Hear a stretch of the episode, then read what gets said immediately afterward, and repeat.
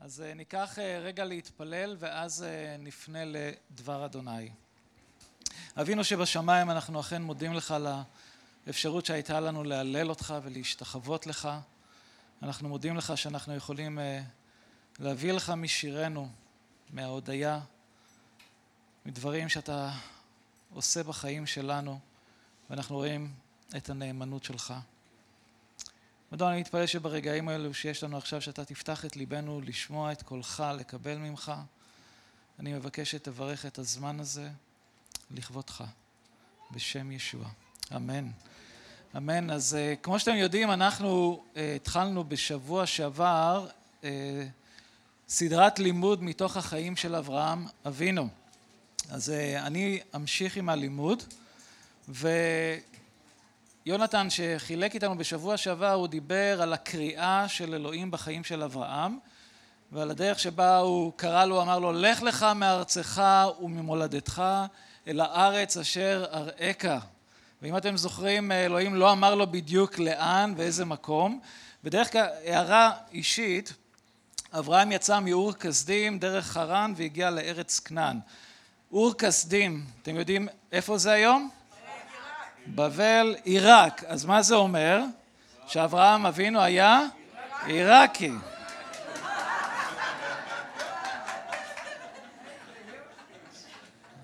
אבא שלי עיראקי, אז אני ככה מרגיש אה, ממש טוב. אז, אז יש בכם את הזרע העיראקי הזה גם. אוקיי, אז, אה, אז ראינו באמת שבקריאה של אברהם אלוהים אה, לא אמר לו בדיוק לאן, אבל ראינו גם את הצייתנות של אברהם וגם את ההקרבה בלציית לקריאה של אלוהים, אה, לעזוב את הארץ שלו, את המולדת שלו, את המשפחה שלו, ואני חושב שאם היום היה מישהו בא ואומר לך, אה, כמו, מישהו כמו אלוהים כמובן, תעזוב את המשפחה, תעזוב את מה שמוכר לך, את הארץ, ואני אדריך אותך למקום מסוים, זה, זה די מאתגר לציית לקריאה שכזו. אבל אברהם עשה את זה. ואלוהים, ראינו איך שהוא בירך אותו. אמר לו, אני אברך אותך, אני אברך את, ה, את המשפחה שלך, את זרעך. ואפילו הוא לקח את הברכה הזו כל כך רחוק שהוא אמר, ונברכו בך כל משפחות האדמה. הוא אמר, אברך מברכך ומקלליך האור. ועד היום אנחנו רואים שהברכה של אברהם ממשיכה. ומה שנפלא שראינו שההתגשמות של הברכה הזאת דרך המשיח, שהברכה הזאת יצאה לכל העמים. ולכן ברחבי העולם יש המון אנשים מהעמים השונים מקרב הגויים שמאמינים באלוהי ישראל, מאמינים במשיח ישראל ישוע. אחרי ש... אברהם הגיע לארץ כנען, ב... אתם יכולים לפנות איתי אם יש לכם את ספר הכתובים בראשית י"ב, פרק 12, פסוק 7. וירא אדוני אל אברהם ויאמר לזרעך אתן את הארץ הזאת ויבן שם מזבח לאדוני הנראה אליו. אז אה, אלוהים ממשיך להתגלות לאברהם כאן בארץ כנען ואברהם בונה מזבח עכשיו מה זה המזבח? המזבח זה היה מקום שבו היו מקריבים קורבן אבל זה היה גם מקום שבו זה היה מקום של הודיה להגיד לאלוהים אלוהים תודה לך על מה שאתה עושה. ואנחנו נראה את זה גם לאורך החיים של אברהם שבכל מיני מקומות הוא בונה מזבח ויש פרשנים שאומרים שבניית המזבח זה בעצם לקיחת האדמה. ברגע שבנית המזבח האזור הזה כאילו שייך לך. ו... ואז אנחנו רואים בהמשך, בפסוק שמונה, הוא כבר מגיע למקום אחר, הוא נמצא בין בית אל לעי, וכתוב שם, ויבן שם מזבח לאדוני ויקרא בשם אדוני. עכשיו המזבח השני הזה שהוא בונה, בשונה מהמזבח הראשון, כאן כתוב שהוא קורא בשם אדוני. וזו בעצם הפעם הראשונה שאפשר לראות בחיים של אברהם כשהוא מתפלל. עד עכשיו אלוהים דיבר אליו, לא שמענו, לא ראינו שום שיחה של אברהם עם אלוהים ובנקודה הזו הוא קורא בשם אדוני. הפעם הראשונה שבעצם בני אדם התחילו לקרוא בשם אלוהים, אנחנו חוזרים אחורה לבראשית ד' פסוק 26, כתוב ולשת גם הוא יולד בן ויקרא את שמו אנוש, אז אוכל לקרוא בשם אדוני. עכשיו לפני זה אנחנו מכירים את הסיפור של מה שקרה בגן עדן, המרד נגד אלוהים.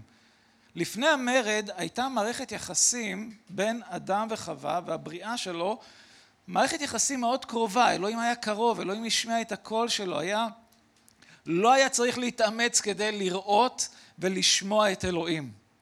אבל אחרי המרד, הניתוק הזה שהיה בין הבריאה של אלוהים לאלוהים עצמו, הביאה את בני אדם למקום שהם היו צריכים להתאמץ ולקרוא בשם אדוני כדי לשמוע את הקול שלו.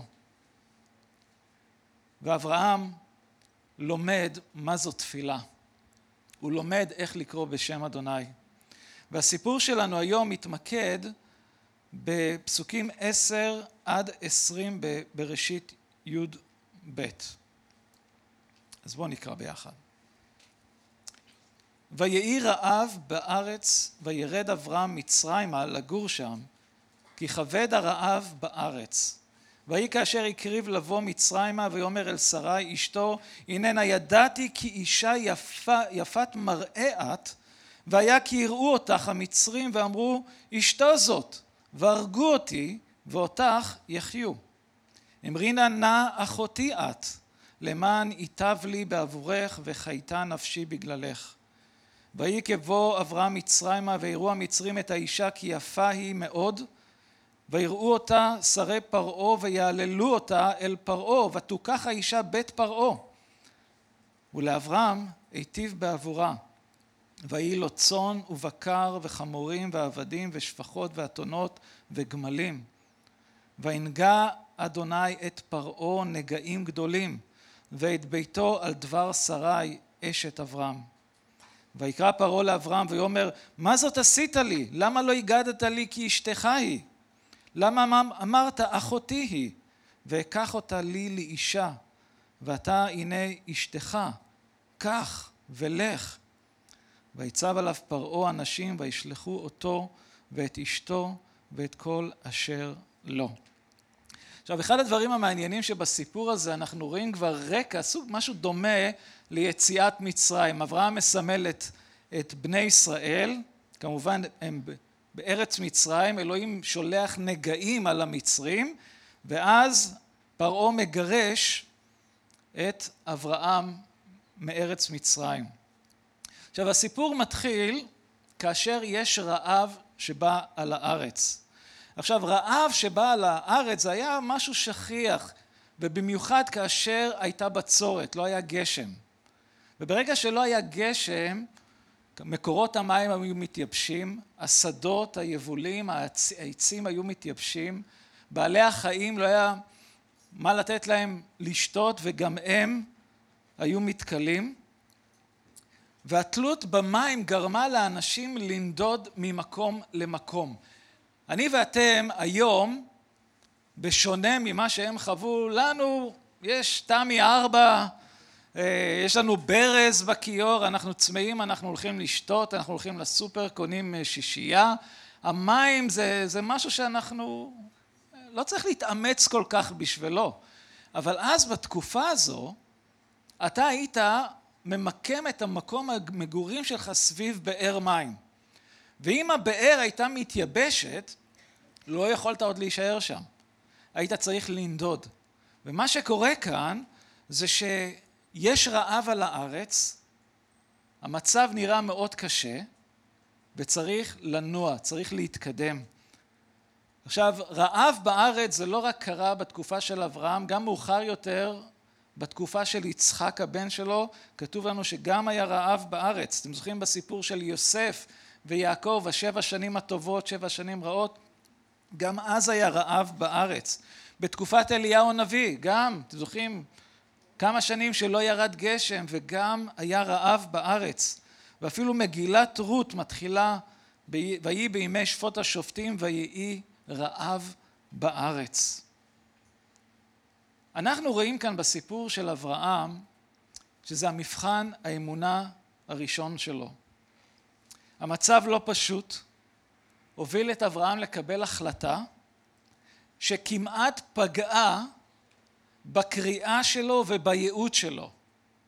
עד כדי כך, אם אלמלא אלוהים יתערב. אברהם היה נמצא במקום אחר לגמרי. הוא יורד למצרים, לגור שם. עכשיו, ההחלטה לעבור למצרים הייתה מנוגדת לגמרי לקריאה של אלוהים בחיים שלו. לאן אלוהים גמר לו ללכת? הוא הוביל אותו לארץ כנען, הוא אמר לו, אני אברך אותך, זה המקום שבו אני רוצה שאתה תהיה.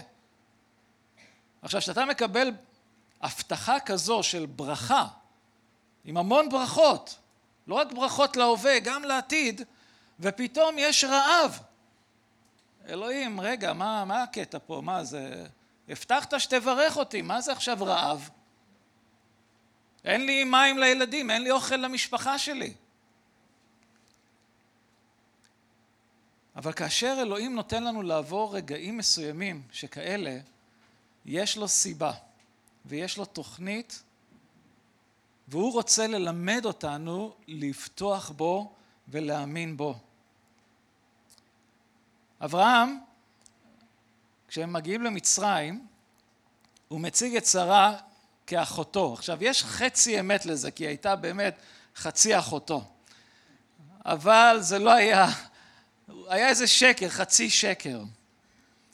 והוא חשש לחייו. עכשיו, זה היה דבר נפוץ באותה תקופה, אה, להרוג את הבעל כדי לקחת את האישה. אפילו בקרב עובדי האלילים, הם אה, האמינו שאסור לנעוף. אבל להרוג את הבעל זה מותר. אוקיי? ועכשיו, נסתכל אפילו על דוד המלך, זה לא בדיוק אותו דבר, אבל תחשבו לרגע, כשהוא, כשהוא חטא עם בת שבע, מה התוכנית שלו הייתה כדי לקחת את בת שבע? להרוג את אוריה, וזה בדיוק מה שהוא עשה, ושילם מחיר יקר על זה. שרה נלקחה לפרעה, עכשיו היא הייתה מאוד יפה. עכשיו, היא הייתה בגיל 65, תחשבו לרגע, מאוד יפה בגיל 65. עכשיו, בטוח הנשים כאן אה, חושבות, וואי, איזה מוצרי טיפוח היא השתמשה, אבל תקחו בחשבון, היא הייתה עקרה, היא לא ילדה, אוקיי? היא לא הייתה אחרי לידה, היא לא יודעת מה זה להתעורר בלילה עם תינוקות ולהחליף טיטולים ולהיות עייפה, אז היא נראית ממש במצב טוב. אה, אולי מבחינה בריאותית, אבל לא חושב שמבחינת מראה, הם לא אכלו את כל השטויות שאנחנו אוכלים בימינו. אבל אה, היא נלקחת לפרעה, אברהם מקבלת בתמורה, כתוב לנו, צאן ובקר וחמורים ועבדים ושפחות, אתונות וגמלים, הוא מתעשר מהסיפור הזה. ויש כאלו שאומרים אפילו, ואני די נוטה להסכים, שהגר ניתנה לו ברגע הזה. כי כתוב שהיא הייתה הגר המצרייה. ופה הוא מקבל שפחות. עכשיו אלוהים מתערב בעבור שרה ושולח נגעים על פרעה ובני ביתו ומונע מפרעה לשאת אותה להיות אחת מנשותיו. פרעה שמבין מה שקורה שם, הוא מבין, אלוהים שולח עליו איזה מכות והוא קלט שמשהו לא בסדר כאן, הוא מגרש את אברהם ומחזיר את אה, אברהם לנקודת ההתחלה. אני חושב שזה מעניין, זה כאילו, אלוהים נותן לך קריאה, אתם זוכרים שמענו על יונה הנביא, אלוהים נותן לו קריאה, הוא הולך, אה, מנסה לברוח מאלוהים, אה, דג גדול בולע אותו, שם שלושה ימים, הוא עובר תהליך פנימי מאוד עמוק, ואז הוא חוזר לנקודת ההתחלה. וכאן אנחנו רואים את החסד של אלוהים שמחזיר את אברהם חזרה אל הארץ לנקודת ההתחלה. אלוהים הביא רעב על הארץ כדי ללמד את אברהם ללמוד לפתוח בו. במקרה של אברהם זה היה רעב, אך בחיים שלנו יש המון מצבים אחרים שדורשים מאיתנו ביטחון באלוהים ואמונה באלוהים. יש כאלו שמתמודדים עם מצב בריאותי לא פשוט. זה מצב כלכלי, אולי מצב משפחתי. הביטחון האישי שלנו והרשימה יכולה להיות ארוכה. והדברים האלו שלפעמים אנחנו חווים בחיים שלנו, אלוהים מרשה לדברים האלו לקרות כדי שאנחנו נלמד לפתוח בו ולהאמין בו. וזה לא קל כשאתה נמצא בתוך הקושי הזה, להסתכל למעלה, לשאת תפילה לאלוהים. זה די מאתגר, ואני בטוח שכל אחד מאיתנו יש לו את הרשימה שלו, את הדברים שהוא עובר בחייו. כשאנחנו מדברים על לפתוח באלוהים, זאת אומרת להישען עליו, זה לא להיות במקום של דאגה, במקום של, אלא להיות במקום של ביטחון שאתה יודע שהוא נמצא איתך.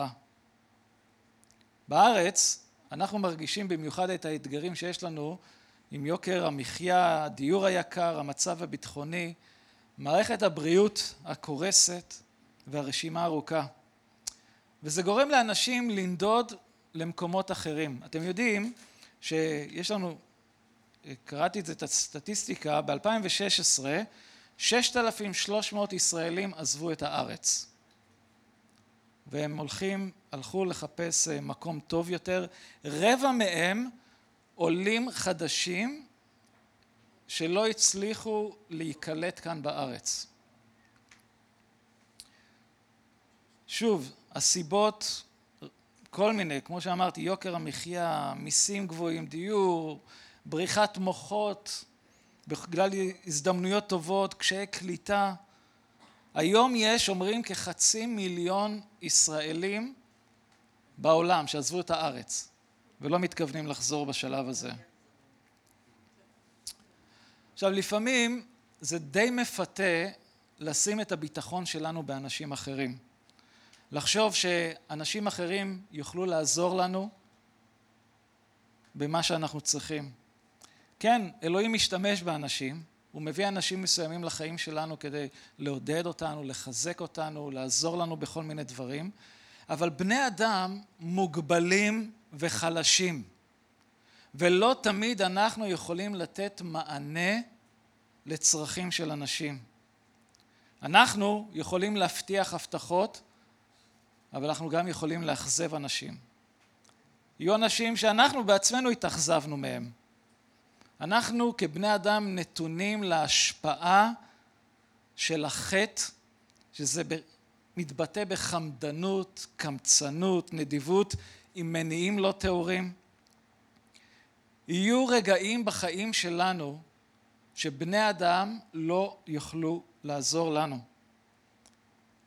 לפעמים באים אנשים שהם חולים במחלות חשוכות מרפא, אנשים שבאים עם חובות, אני אומר לכם, אני עבדתי אה, בבית ניצחון, שזה מרכז גמילה לאנשים עם בעיות של סמים ואלכוהול, והיו כאלה שבאו לתוכנית עם מיליון שקל חוב, והם מבקשים, אתה יכול להתפלל שאלוהים יעזור לי?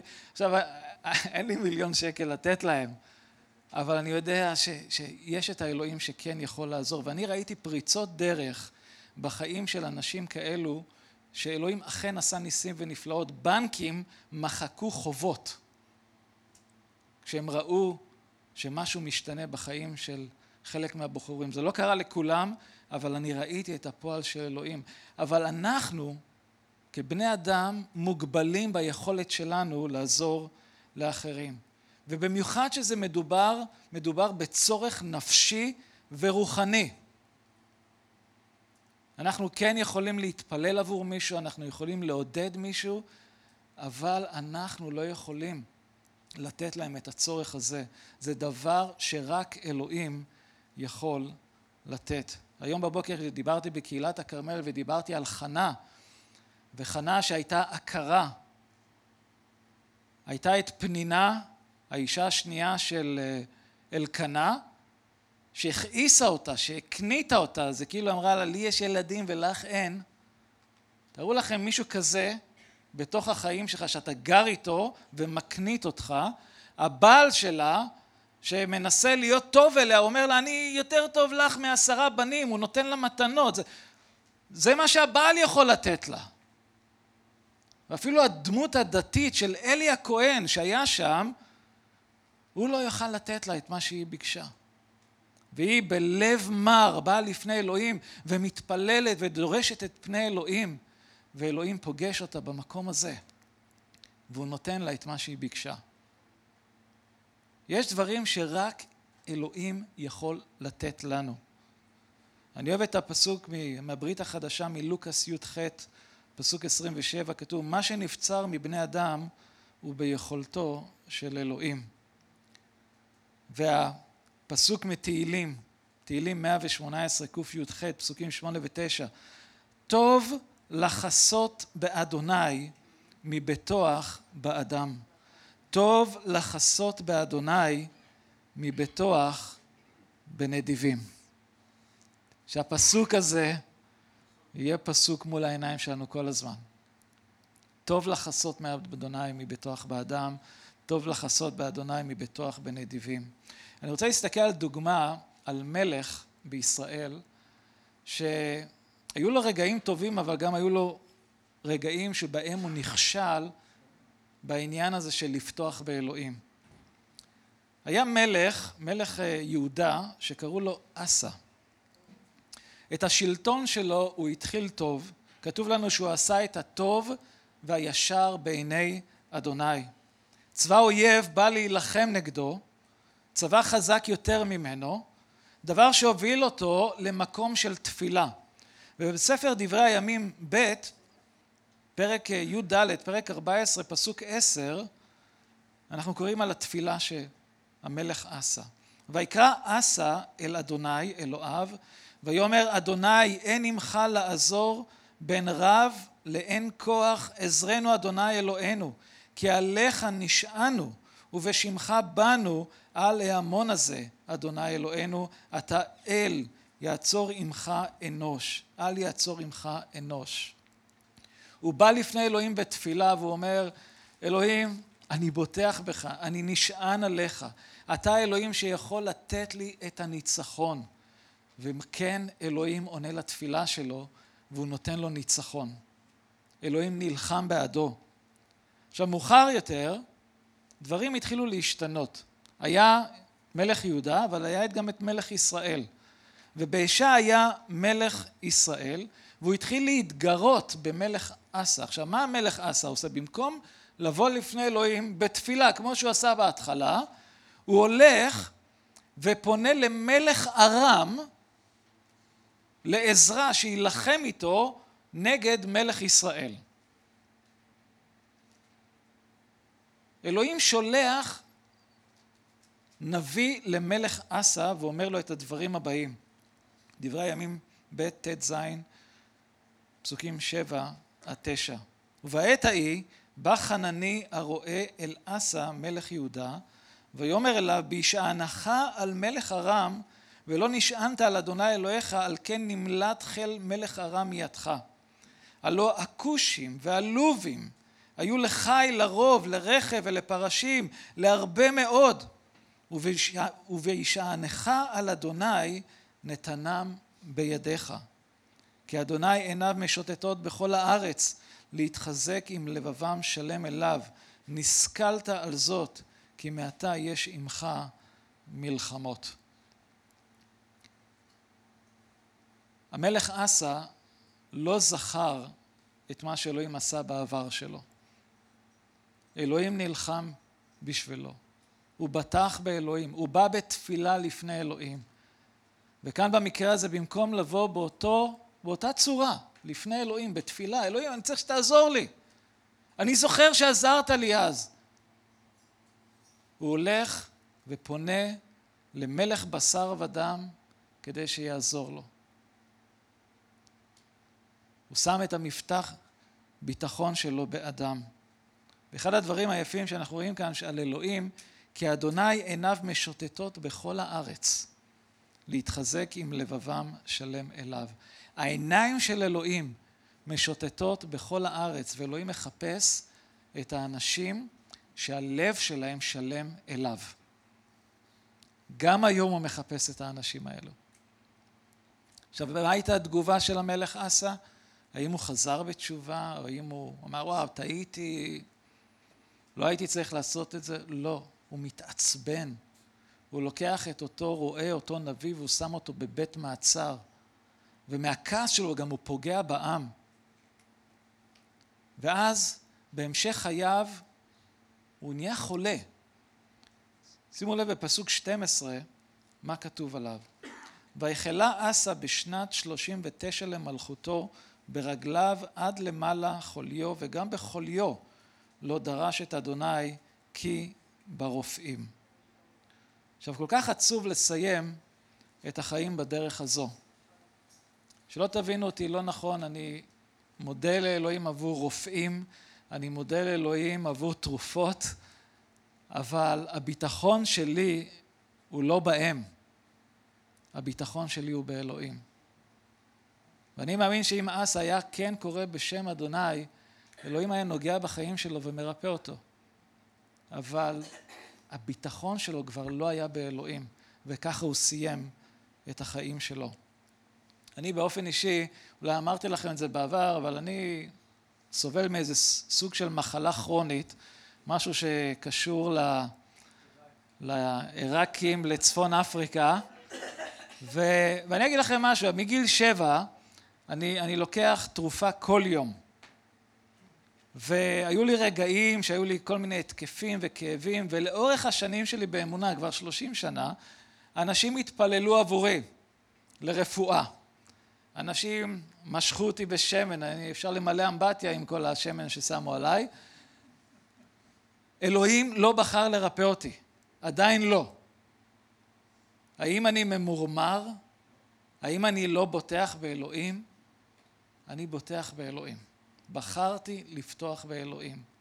גם כשאני לא רואה את התשובה ברגע הזה בחיים שלי, אני יודע שאני נמצא בידיים שלו, ומתפלל שבחולשה שלי תושלם גבורתו. הביטחון שלנו באלוהים דורש אמונה מצידנו. ולפעמים האמונה הזאת פועלת בצורה שונה מההיגיון שלנו. שלמה המלך כתב במשלי ג' פסוק חמש, בטח אל אדוני בכל ליבך ואל בינתך אל תישען. אל תישען על החוכמה שלך, על הדרך שבה אתה חושב שדברים צריכים להתנהל. אפילו אלוהים אומר דרך הנביא ישעיה, כי לא מחשבותיי מחשבותיכם, ולא דרכיכם דרכי נאום אדוני, כי גבעו שמיים מארץ, כן גבעו דרכי מדרככם ומחשבותיי ממחשבותיכם. כשאנחנו חושבים שאנחנו מבינים את אלוהים, אנחנו לא מבינים אותו. אם אני חושב שאני יודע איך דברים צריכים להיעשות ולהתנהל, אני לא ממש יודע. ולכן יש לנו את ספר הכתובים, שנותן לנו תמונה של מיהו אלוהים ואיך הוא פועל. ובדרך כלל כשהוא פועל זה בניגוד להיגיון שלנו. יהושע מגיע ליריחו ומה תוכנית הקרב? הסתובבו שבע פעמים מסביב לעיר ותתקעו בשופר והחומות יפלו. תגידו את זה היום למפקד צבאי. תעשו את הדבר הזה. זה לא הגיוני. זה לא הגיוני. אבל בכל זאת יהושע עשה את זה. הוא האמין. בחוכמת העולם הזה יש ניסיון למצוא פתרונות והסברים, והיא כל כך רחוקה מדרכי אדוני. הניסיון של האדם להסביר את אלוהים, להסביר את הבריאה, להסביר מדוע אנחנו עוברים רגעים קשים בחיים. השבוע חתמנו חוזה שכירות אה, לדירה שלנו, ובעל הדירה, אה, זה היה בדיוק ב-13 למאי, אז הוא היה צריך לכתוב בחוזה את התאריך 13 למאי. אז הוא אומר, וואו, אני לא רוצה לכתוב את המילה 13, כי זה מביא נאחס. אז לואן אומרת לו, אל תדאג, אלוהים ברא גם את 13, זה בסדר.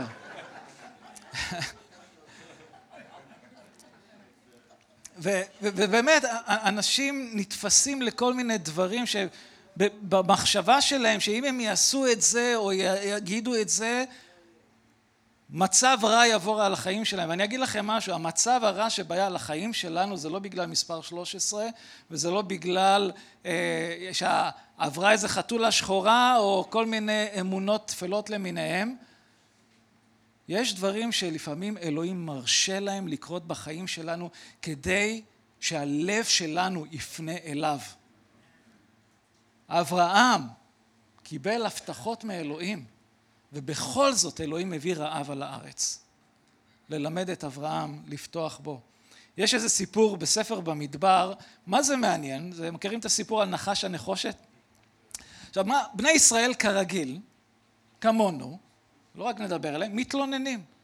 אלוהים, למה אתה עושה לי את זה? למה עשית לי? מה עשיתי לך? איפה האוכל? איפה המים? בכעס של אלוהים, אלוהים שולח עליהם נחשים. עכשיו, נחשים מקישים אותם. והם סובלים, וחלקם אפילו מתים, והם באים למשה, תתפלל לאלוהים שיעזור לנו. עכשיו, מה אלוהים אומר לו? תעשה נחש נחושת, סוג כזה של עמוד, נחש נחושת, וכל מי שיסתכל עליו ירפא. עכשיו, אני הייתי אומר, אולי תעשה איזה שיקוי, קח כמה עלים של נאנה עם כמה אופטלגין, לא יודע, משהו ש... תרופה, אבל נחש נחושת ומי שיסתכל עליו ירפא. ביוחנן, בברית החדשה, יוחנן ג', פסוקים 14 ו-15, כתוב לנו על ישוע, וכמו שהגביה משה את הנחש במדבר, כך צריך שיורם בן האדם למען יהיו חיי עולם לכל המאמין בו. אני, כיהודי, שנולד כאן בארץ, שנחשפתי לישוע המשיח, וסיפרו לי עליו שהוא משיח ישראל. ואני ששמעתי ש... שהוא נצלב, עכשיו בתור יהודי, שתבינו, אלו מכם שאולי לא גדלו כאן בארץ, ששמעתי על ישוע, הדבר הראשון שראיתי זה איזה צלב ואיזה מישהו תלוי באיזה כנסייה קתולית. ואת האפיפיור. זה, זה בדיוק, זה ככה הבנתי את ישוע.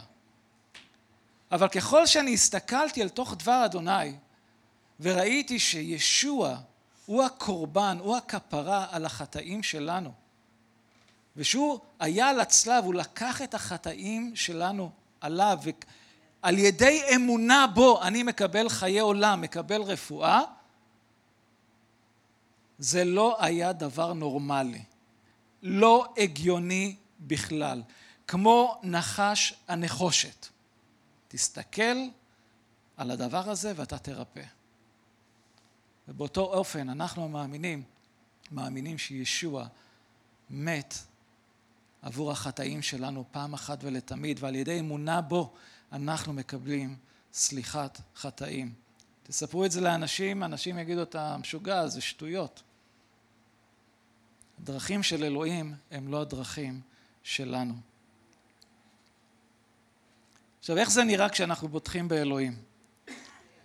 אני אוהב את הפסוק מתהילים 28, פסוק 6. ברוך אדוני כי שמע כל תחנוני. אדוני עוזי ומגיני, בו בטח ליבי, ונעזרתי, ויעלוז ליבי, ומשירי הודנו. דוד מתפלל בעת צרה. הוא אומר, אלוהים, תודה לך שעזרת לי, אני, אני אשיר לך שיר. וחשבתי על הסיפור שמופיע במעשה השליחים על שאול וסילה שהיו בפיליפאי, שם באזור של טורקיה היום, מבשרים את הבשורה, ודברים קורים בתוך העיר, אבל הם מוצאים את עצמם מוכים ומושלכים לבית הסוהר. עכשיו, הם שניהם שם בתוך בית הסוהר, כואבים, מכות קיבלו, וכתוב לנו במעשה השליחים ט"ז פסוק 25, בחצות הלילה, בשעה ששאול וסילה התפללו ושרו שירי הלל לאלוהים והאסירים מקשיבים להם. עכשיו תראו איזה סיטואציה זו. אתה נמצא במקום שבית כלא רומי, לא בית כלא שלנו פה בישראל, עושים תואר ולומדים מקצוע ומקבלים ביטוח לאומי ושלוש ארוחות ביום. כלא רומי זה, זה, זה כלא מאוד קשה, זה, זה מכות, זה, זה להיות סגורים בסד, זה להיות שם בתחתית האדמה. מקום של אין תקווה, שרוב האנשים לא יצאו משם בחיים, והם נמצאים בסיטואציה הזו, והם בוחרים להתפלל ולשיר שירי הלל לאלוהים. איך אפשר להגיע למצב כזה? הדרך היחידה שאני יכול לחשוב זה לפתוח באלוהים. כשאתה שייך לאלוהים, לא משנה באיזה מצב אתה תהיה, אתה תהיה בידיים שלו. אתה יודע שאתה בידיים שלו, והוא דואג לך. והמילה האחרונה היא תמיד של אלוהים. אין בן אדם בעולם הזה שיכול לעצור את התוכנית של אלוהים עבור החיים שלך. עכשיו, מה שקרה, הייתה פתאום רעידת אדמה חזקה, עד כדי כך שיסודות בית הסוהר הזדעזעו, בבת אחת נפתחו כל הדלתות וכל השרשרות ניתקו. עכשיו, לפעמים כשאתה במצב קשה, אתה יכול להגיב בשני דרכים. קודם כל, רחמים עצמיים וכעס כלפי אלוהים והסביבה. אלוהים, אחרי כל מה שעשיתי עבורך, אתה מביא אותי למצב הזה, חשבתי שאתה אוהב אותי. רחמים עצמיים, להגיד, להתלונן. וואו, שאתה יכול להביא את המצב לפני אלוהים בתפילה, ולהגיד, אלוהים, אני בוטח בך, אני יודע שאתה ריבון, וכל מה שקורה בחיי לא נעלם מעיניך. אני הילד שלך, ואתה דואג לי. ואולי, אם אתם מספיק חזקים מספיק, אפשר להכניס גם שיר הלל והודיה. גם בתוך הצרה לפעמים אנחנו יכולים לשיר שירי הלל והודיה. וכשהם עשו את זה, הכל הזדעזע. רעידת האדמה שחווינו לפני כמה ימים זה כלום. מה שקרה שם, הרעידה הזו פתחה את שערי הכלא, היא ניתקה את השרשראות ש, שהיו קשורות על הידיים שלהם. וזו דוגמה בשבילי, זה שכשאתה ניגש לאלוהים, עם ביטחון בו בעת צרה, דברים אדירים יכולים לקרות. שאול השליח אומר אל המאמינים בפיליפאי, בפרק ד', פסוקים 6 ו-7, אל תדאגו לשום דבר, כי אם בכל דבר הציגו משאלותיכם לאלוהים בתפילה ובתחנונים ובהודיה, ושלום אלוהים הנשגב מכל שכל, ינצור את לבבכם ואת מחשבותיכם במשיח ישוע. אין כאן הבטחה שאלוהים יענה לכל המשאלות שלנו, אבל יש כאן הבטחה שהוא ייתן לנו שלום גם בשעת צרה. המחשבות שלנו יהיו עליו. עכשיו, אפשר לחשוב שאברהם אולי למד מהשיעור הזה. הוא לא בדיוק למד. עכשיו, יש עוד מקרה דומה מאוד, אבל בין המקרה הזה למקרה השני, יש את ההיפרדות שלו מלוט, שחרור לוט משבי, הברית בין הבתרים, שאלוהים שם נותן לו את ההבטחה ליצחק, יש את הפרשה על הגר וישמעאל, ברית מילה, השינוי השם שלו ושל שרי מאברהם לאברהם, משרי לשרה, ארוחה עם אלוהים באוהל והתפילה שלו עבור סדום. ואז בראשית פרק עשרים, פסוקים אחד ושתיים, ויסע משם אברהם ארצה הנגב וישב בין קדש ובין שור ויגר בגרר. ויאמר אברהם אל שרה אשתו אחותי. אחותי היא וישלח אבימלך גרר ויקח את שרה. עוד פעם, עכשיו, מהצד של שרה, תחשבו לרגע, איך היא מרגישה? כל הנשים הנשואות כאן, תכנסו רגע לנעליים של שרה. הבעל שלכם שאמור להגן עליכם, חושב על החיים שלו. תגידי שאת אחותי, לא משנה, יהיה בסדר. ואלוהים שוב נגלה לאבימלך בחלום ואומר לו שאם הוא ייגע בשרה הוא ימות. הוא אומר לו, תשיב אותה חזרה אל אברהם. ובפסוק שבע הוא אומר, ואתה השב, את, השב אשת האיש כי נביא הוא ויתפלל בעדך וחיה, ואם אינך משיב דע כי מות תמות אתה בכל אשר לך. עכשיו סיטואציה מוזרה, אבימלך לא אשם בכלל, אלוהים מבין את זה ולכן הוא נותן לו את ההזדמנות הזו, אבל, אבל מה שזה אומר כאן, הוא אומר לו לך לאברהם שיתפלל בשבילך כדי שאתה תחיה.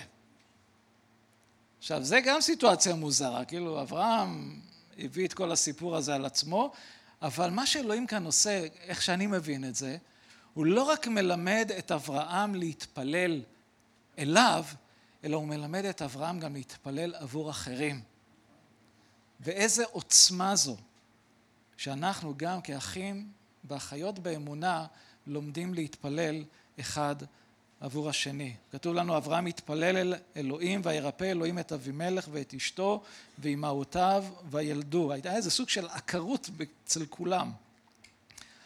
הביטחון שלנו באלוהים תמיד מקבל ביטוי כשאנחנו באים לאלוהים בתפילה. אם אני לא מתפלל, מה שבעצם אני אומר, אלוהים אני מסתדר, אני לא צריך אותך בחיים שלי. תפילה היא בחירה אישית של כל אחד מאיתנו. האם אני מוכן לשים את מבטחי באלוהים, או שאני שם את המבטח, ביטחון שלי באדם, או אפילו בעצמי. ואני רוצה לסיים עם פסוקים מספר בראשית, פרק כ"ו, פסוקים 1 עד 3. ופה יש לנו את המקרה של יצחק, גם כשיש רעב על הארץ. וכאן אלוהים, בשונה מאברהם, אומר ליצחק דברים מאוד ברורים. ויהי רעב בארץ מלבד הרעב הראשון אשר היה בימי אברהם, וילך יצחק אל אבימלך מלך פלישתים גררה, וירא עליו אדוני ויאמר אל תרד מצרימה, שכון בארץ אשר אומר אליך, גור בארץ הזאת ואהיה עמך ואברכך, כי לך ולזרעך אתן את כל הארצות האל והקימותי את השבועה אשר נשבעתי לאברהם אביך. ואני הרגשתי שזו מילה עבורנו אלוהים קרא לנו להיות בארץ הזו. ואני יודע שיש עולים שמתקשים. ואני יודע שיש כאלו שאם הייתה להם הזדמנות הם היו אולי מנסים למצוא מקום אחר להתחיל בו חיים חדשים. והמילה הזו היא עבורכם, שלא משנה מה המצב שלנו כאן בארץ, אלוהים יספק לכם את כל מה שאתם צריכים. גם כשאנחנו נראה מסביב אולי לאחרים אין, אם אנחנו נהיה נאמנים לקריאה שלנו, אלוהים יספק את מה שאנחנו צריכים.